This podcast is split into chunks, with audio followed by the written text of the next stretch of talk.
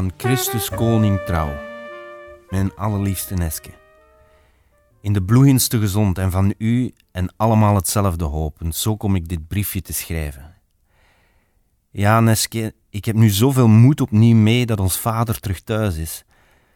Ja, mijn Neske, wat moet ik hem dankbaar zijn voor ene zaak die hij voor mij geofferd heeft. Je bent voorzeker nieuwsgierig hoe dat allemaal gegaan is. Wel, ik zal u alles kort en bondig vertellen. Ze vielen dus thuis weder met de deur in huis maandagavond en ze vroegen aan ons vader waar dat ik was. Op zijn ontkennend antwoord zeiden die ellendige schurken: Kleed u maar aan, in Hasselt zullen we het er wel uitkrijgen. Hij kleedde zich aan. Je moet niet vragen hoe hartverscheurend dat was voor hem, ons moeder en onze André. Ze reden dan weg langs Oostham, Beverlo, Beringen naar Hasselt en als ze ginder kwamen, waren ze met vijf gevangenen. Ze werden samen in een kot gestopt en er bleef een schurp bijstaan. Het was verboden van te spreken. De volgende dag overhoord en van alles gesproken en gevraagd, want die mannen zijn goed ingelicht hoor, door die zwarte krapulzekers van Torp. Maar vader hield hem maar aan zijnzelfde woord, van niets te weten waar ik was. Hij heeft meer dan honderd keren zijnzelfde woorden moeten herhalen. Nu, ze kregen eten genoeg, zegde hij, maar mochten tegen elkander niet spreken en een half uur per dag buiten gaan wandelen. Je moet niet vragen, Eske, hoe lang zo'n tijd van twaalf dagen geduurd heeft en niet weten wanneer ze zouden bevrijd worden. Nu, het ergste, vrijdags moest hij opnieuw naar het verhoor komen en steeds maar dezelfde vragen, maar hij antwoordde steeds juist hetzelfde. Ja, en toen vielen die mannen in razernij en zeiden hem: Morgen wordt je gefusilleerd. Ons vader heeft verteld dat hij bad en hij gevoelde, zeide hij, dat het maar een truc zou zijn. Hij werd bij een biechtvader geleid die hem kwam biechten en zo wachtte hij naar hetgeen zou komen. Hij werd naar de plaats gebracht en ze zegden hem dat indien hij verkoos van te mogen leven, hij me moest wijzen. Ja, Neske, wat moest toen dat hart geklopt hebben van hem? Maar hij zegde kordaat van niets te weten en geluk. Ze namen hem opnieuw mede naar de cel en het was voorbij. Je moet niet vragen, Neske. Dat is iets dat ik nooit zal kunnen vergeten. Hij wilde nog liever sterven en mij al zo redden. Ja, Neske, je kunt begrijpen wat ik nu mijn vader schuldig ben en als ik enigszins kan, dan zal ik hem zoveel er in mijn macht is vergelden. Neske, ik heb weliswaar geen echte moeder meer, maar mijn vader bezit ik toch nog en die is me toch zo dierbaar. Nu weet je hoe alles verlopen is, nietwaar? We hebben door te bidden toch machtig veel van onze lieve Neer verkregen, nietwaar? Ja, Neske, dat geeft zo een inwendig geluk, dat ik me zo rijk voel alhoewel ik niet meer kan rondlopen binnen die laatste oorlogsdagen. Moed, meisje, dat gaat voorbij en dan zal ons geluk oneindig groot zijn.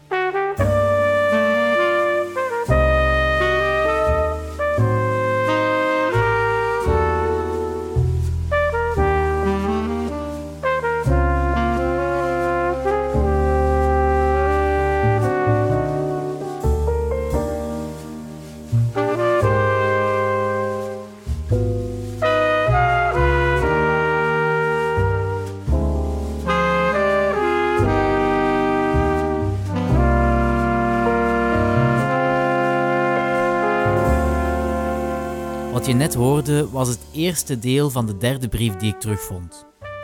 Een deeltje dat me kippenvel gaf terwijl ik het las. Want na al die heldhaftige verhalen uit de vorige aflevering kwam nu plots het verhaal van mijn overgrootvader boven. Een vader die liever stierf dan zijn eigen zoon te verklikken. Kunt je dat voorstellen? Hoeveel schrik moet die man gehad hebben? En hoe ongelooflijk moedig waren ze in die tijd? In deze aflevering ontdek ik welke heldendaden mijn grootvader al die tijd voor ons verzwegen heeft. En ik ontmoet een ooggetuige van de bestorming op mijn overgrootvader.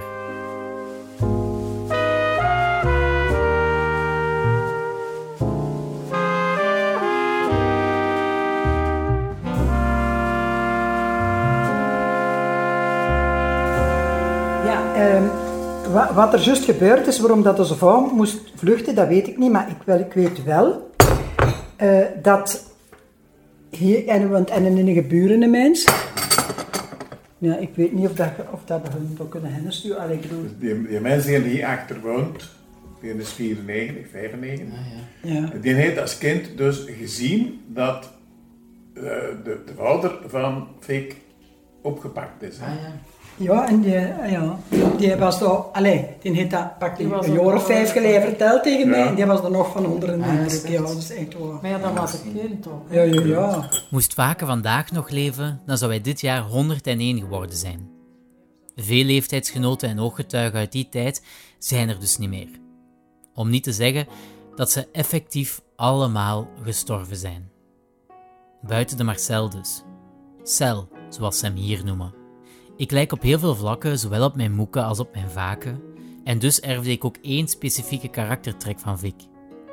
Geduldig zijn ligt niet echt in onze aard. Impulsief als ik ben, schiet ik uit mijn stoel, trek ik mijn tante mee en samen gaan we naar de cel. Dag Marcel. Kun je dat niet aan bestaan pakken dat ik straks komen? Hallo, goedendag. Uiteraard vindt hij dat niet erg. Het is hier Limburg en daar zijn voordeuren zoals woordenboeken. Iedereen heeft er een, maar niemand gebruikt het. Mijn tante, de cel en ik zetten ons in de veel te warme veranda. Ik en mijn tante aan de houten tafel, Marcel in zijn bruine fauteuil. Zo eentje waarvan er typisch twee staan in een ruimte, maar één ervan al jaren niet meer gebruikt wordt. Marcel is een 94-jarige weduwnaar. Hij hoort niet meer goed en zijn spreken gaat er ook op achteruit. Zijn geheugen daarentegen is nog perfect in orde. Nee, eh, jij hebt eens tegen mij verteld van onze vrouw. Ah ja. Voilà. Zou je dat nog eens willen vertellen? Nee. Ik zit er nog half met mijn ogen, hè. ja, ik was in de gast, hoe oud was ik toen? Dat was in de oorlog, hè. En, eh, ik Maar jij vijf eh, jaar of zo? Jij werd vijf jaar of zo? Nee, nee, nee, heel nee, jong. nee, nee, eh, 12, 12, Ah, ja. 13 jaar doe je het, hè. Ah ja. Allee, ongeveer toch. En eh, mijn vader, die was eh, in, uh, in Brugge, en het was een goede tijd, hè. Want bijen, want dat is niet lekker snijden, die boeren, hè, maar, eh, die hebben wel een soort machine, maar in die tijd Nee, toen was dat moest niet. je het allemaal met de hand doen, hè. Die waren aan het maaien en toen, eh, ja. die werden s'morgens, eh, om vier uur ging je naar, Vertrekt. want het was warm in de dag, hè, Ja. dat doen, hè. Ja. En ja, dan hadden we wel eens iets nog gedronken, zeg, maar die voorlasmoeder zei, doet tegen, uh, tegen de dagen erin, hè. Voordat het school ging, denk ik. Zoals ik al zei, de En, spraak eh, van Marcel is er stevig op achteruit gegaan. Als je er tot nu toe dus niks van verstaan hebt, dat is normaal. Marcel was 12, 13 jaar en zijn moeder vroeg hem om nog snel eventjes boterhammen te brengen op het veld, waar zijn papa aan het werk was. Dat veld was hetzelfde veld als waar Louis Valkenborgs aan de slag was, mijn overgrootvader. Dat veld lag trouwens ook tegenover het huis van Louis. Nee, ja. Dan stopt daar de Nederland onder. Ja. Hè, dat was een punt aan, aan, aan dingen, aan totaal. Daar stopt dan een wagen, een Duits, Duitse wagen. hè. En eh daar springt dan een serie uit. Zes, zeven man misschien, ik weet niet meer. En door de gracht, hè. Links. En, ik rechts met mijn, met mijn net. Ja. En ja, dus tegen mij zei hij niks, hè, natuurlijk. Hè. Ik was maar een gast, hè. En, eh, want ik denk niet dat dat iemand dat gezien is, hè. Jij misschien de enige. Ja, ik denk dat, want ik... Ja, dat was morgen, hè. Ja. En, eh goed, vertegen, en lag die door alle wie van dat is kwam er ook eens bij, hè. Stormen die door op die deur hangen. Die staan er in. Allee, volgens mij. Ja, ja, ja, ja. Ja, dat was allemaal gewoon, uh, je weet hoe dat die boerderij vroeger werden, hè. zo allemaal maar, maar simpel, hè. Dat, dat zal zo overgevlogen hebben, hè.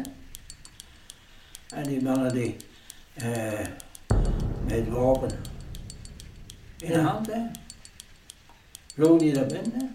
Zoals Marcel zei, ging het supersnel.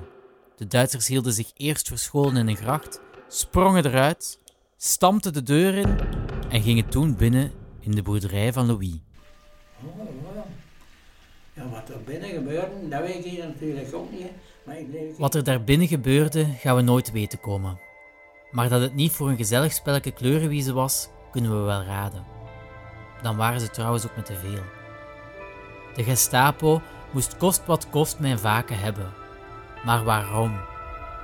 Wat heeft hij gedaan dat hem zo berucht maakte? Waarom moesten ze specifiek hem hebben?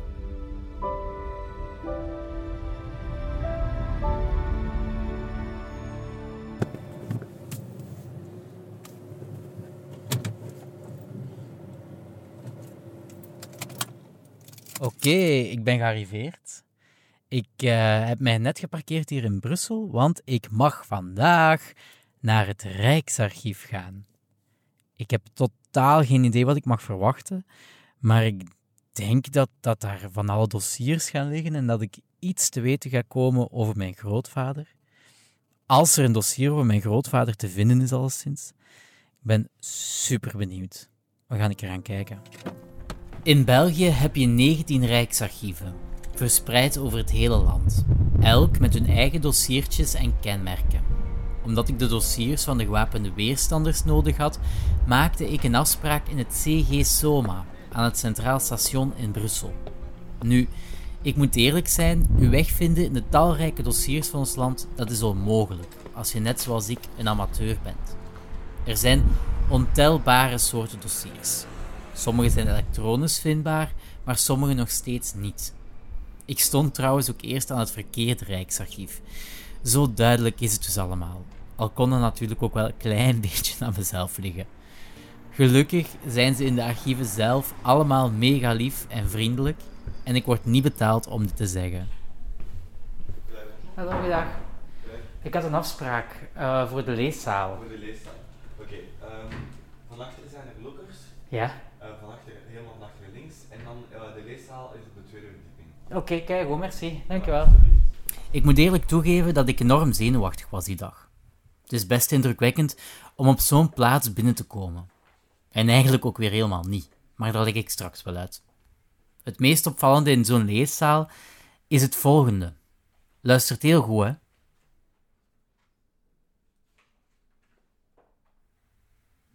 Heb je het gehoord? Nee? Het is de stilte. Ik durf hier niet luid te praten, want iedereen is hier heel stil. Maar ze zijn nu het dossier gaan opzoeken van mijn grootvader, dus ik ben heel benieuwd. Ik kan u verzekeren, ik heb daar heel lang gezeten. En als je een podcast maakt, is stilte niet echt interessant. Maar eindelijk was het zover. Eindelijk kreeg ik het lang verwachte dossier met al mijn grootvader zijn heldenverhalen in, recht onder mijn neus geduwd. Ik heb het dossier van mijn grootvader gekregen. Het is een, uh, een grote bruine map met in het grote Victor Valkenmorgens op.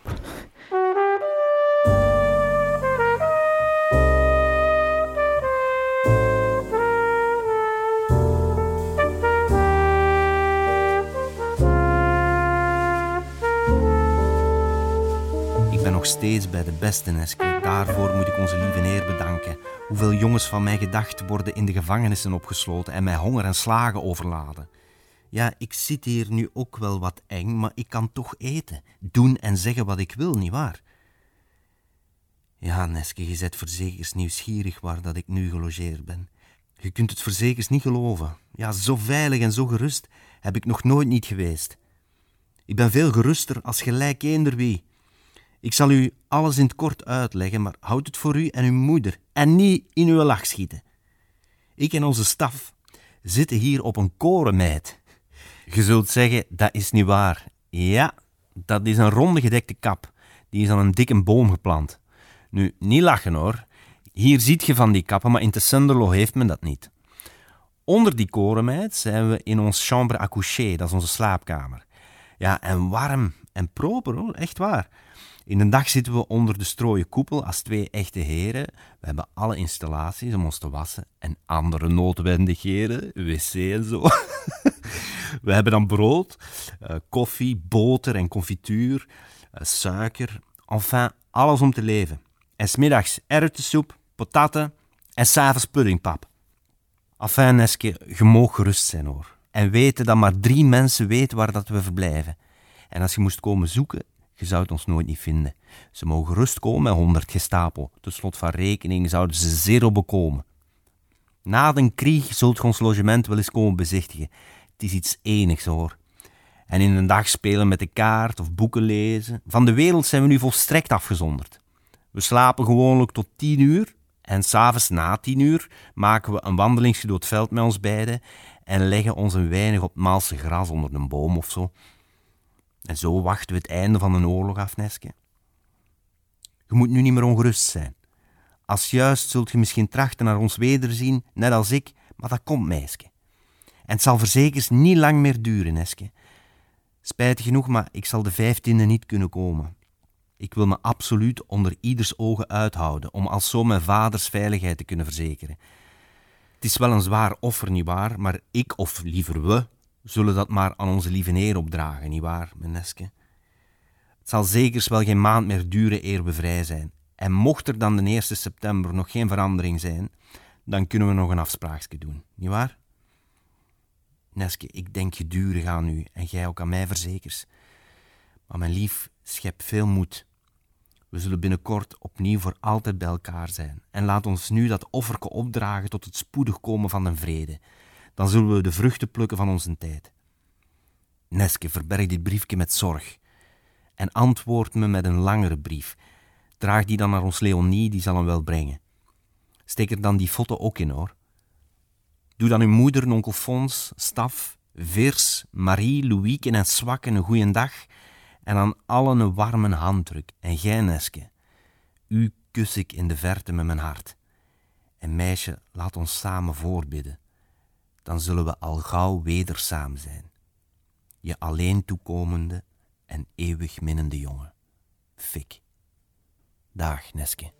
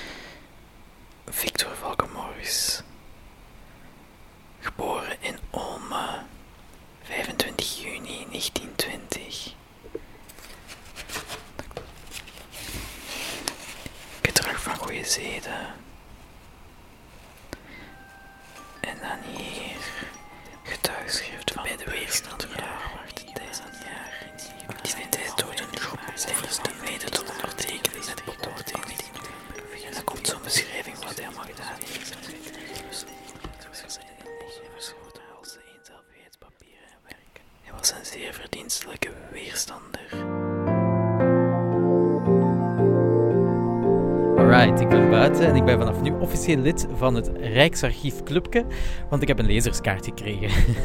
Als je veel verwacht van het, eh, van het Rijksarchief, dan ga ik je moeten teleurstellen. Ik had in mijn hoofd dat dat zo een grote bibliotheek ging zijn met allemaal dossiers die zeer indrukwekkend gingen overkomen. Maar helaas, het is alsof dat je de bureau van Thailand binnenstapt. Oud, versleten en iedereen is er super stil. Maar ik heb er wel wat geleerd. Dus mijn grootvader heeft blijkbaar Ehm, was een verdienstelijke weerstander volgens de officiële documenten. Ehm, dus dat wil zeggen dat hij toch wel wat betekend heeft voor ehm, ja, in die tijd. Maar hij heeft dus blijkbaar Russen gevoed en gekleed terwijl die zaten ondergedoken. Hij heeft Engelse vliegeniers geherbergd, dus bij zijn thuis binnengelaten. Hij heeft aanslagen verijdeld die er op de zwarte zouden gepleegd zijn en op geld gepleegd zouden zijn. Hij heeft inlichtingen verschaft. Hij heeft, ehm, ja, hij heeft eigenlijk wel best veel gedaan. Dus ik ben eigenlijk wel echt heel trots na vandaag. Ik ben eigenlijk echt heel blij dat hij, dat hij mijn grootvader was. En ik vind dat wel heel indrukwekkend.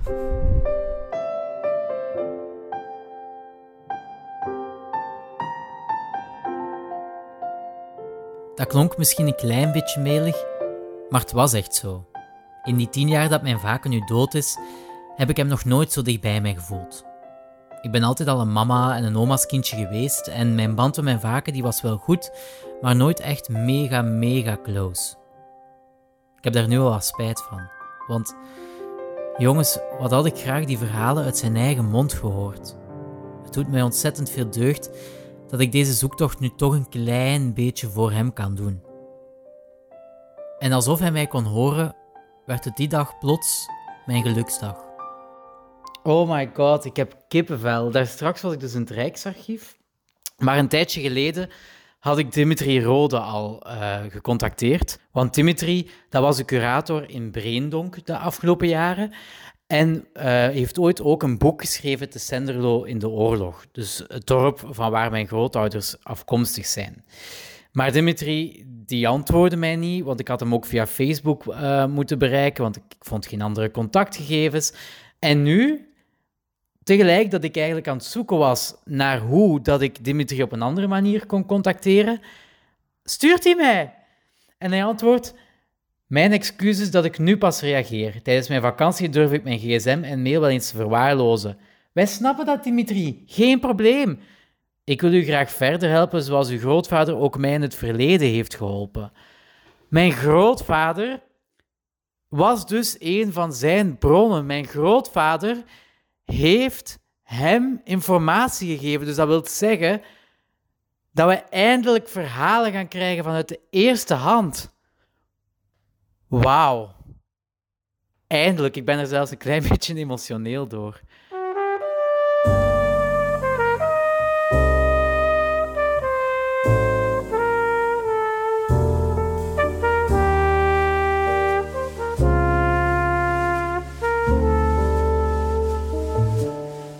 Aan Christus koning trouw, mijn allerliefste jongen.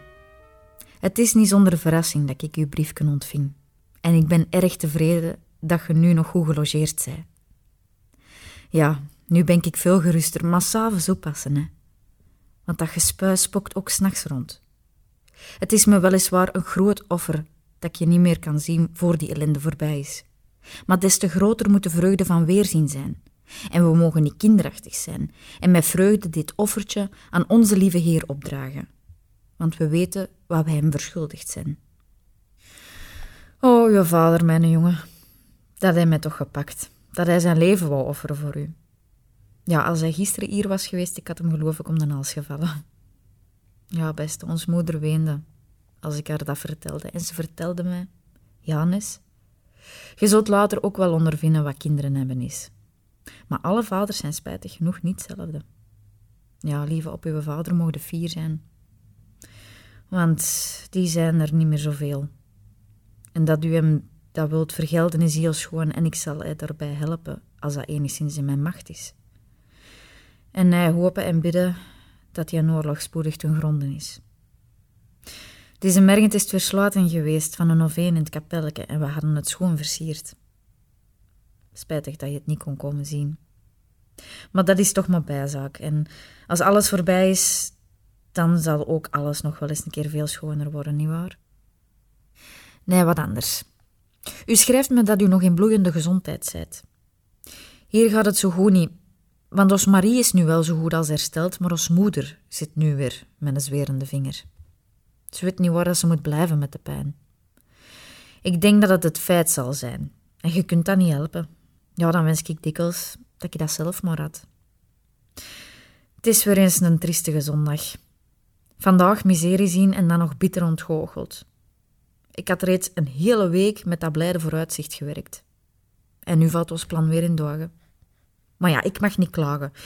Nu, u zult je wel afvragen, wat steekt zij zondags zoal uit?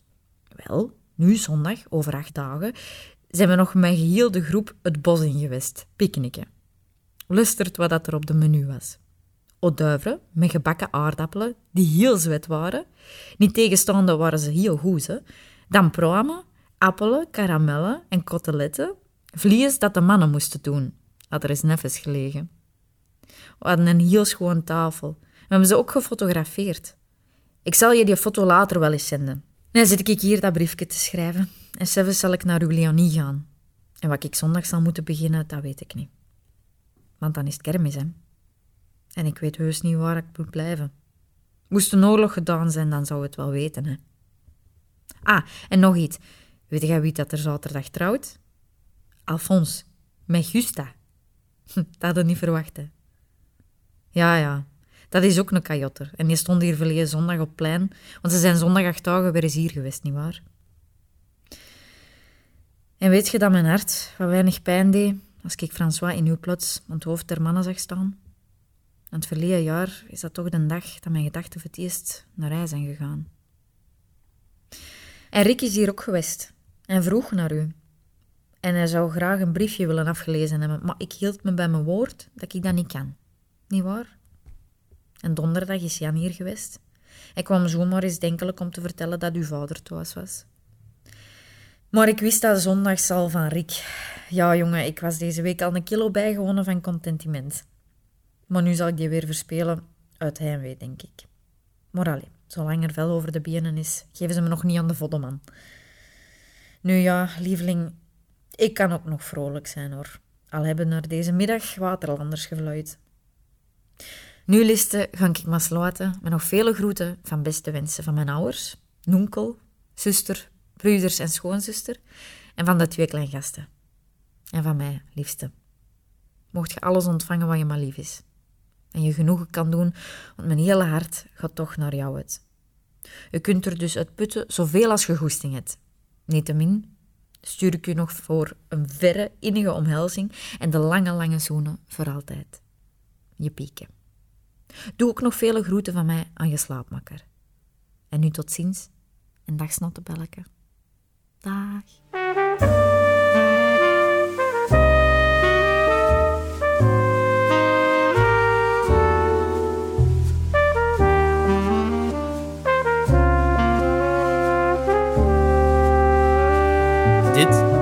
Tweede aflevering van De Brieven van mijn grootvader. Een aflevering ter nagedachtenis van Marcel van de Ven. De Cel. Twee weken nadat ik bij hem langs ging, kreeg ik helaas het nieuws dat Marcel overleden is. De bruine fauteuil zal nu voor altijd leeg blijven. Rust zacht, Marcel. En merci voor uw verhaal. In de derde aflevering stap ik letterlijk in de voetsporen van Vaken en ga ik samen met een van mijn beste vrienden op zoek naar het schuiladres van hem. Er staat niks op de bel. Heb je een keer aanbellen? Maar ik? Ja, doe maar. Ook trek ik naar het fort van Breendonk, waar veel van mijn vakens en mysteries eindelijk opgehelderd worden. Ben je ondertussen ook versningerd aan het verhaal van Victor? En vond je deze tweede aflevering ook de moeite waard om te luisteren? Geef hem dan een goede review of deel hem op je eigen kanalen. Je zorgt er zo voor dat het verhaal van mijn grootvader verder verspreid kan worden. Dankjewel.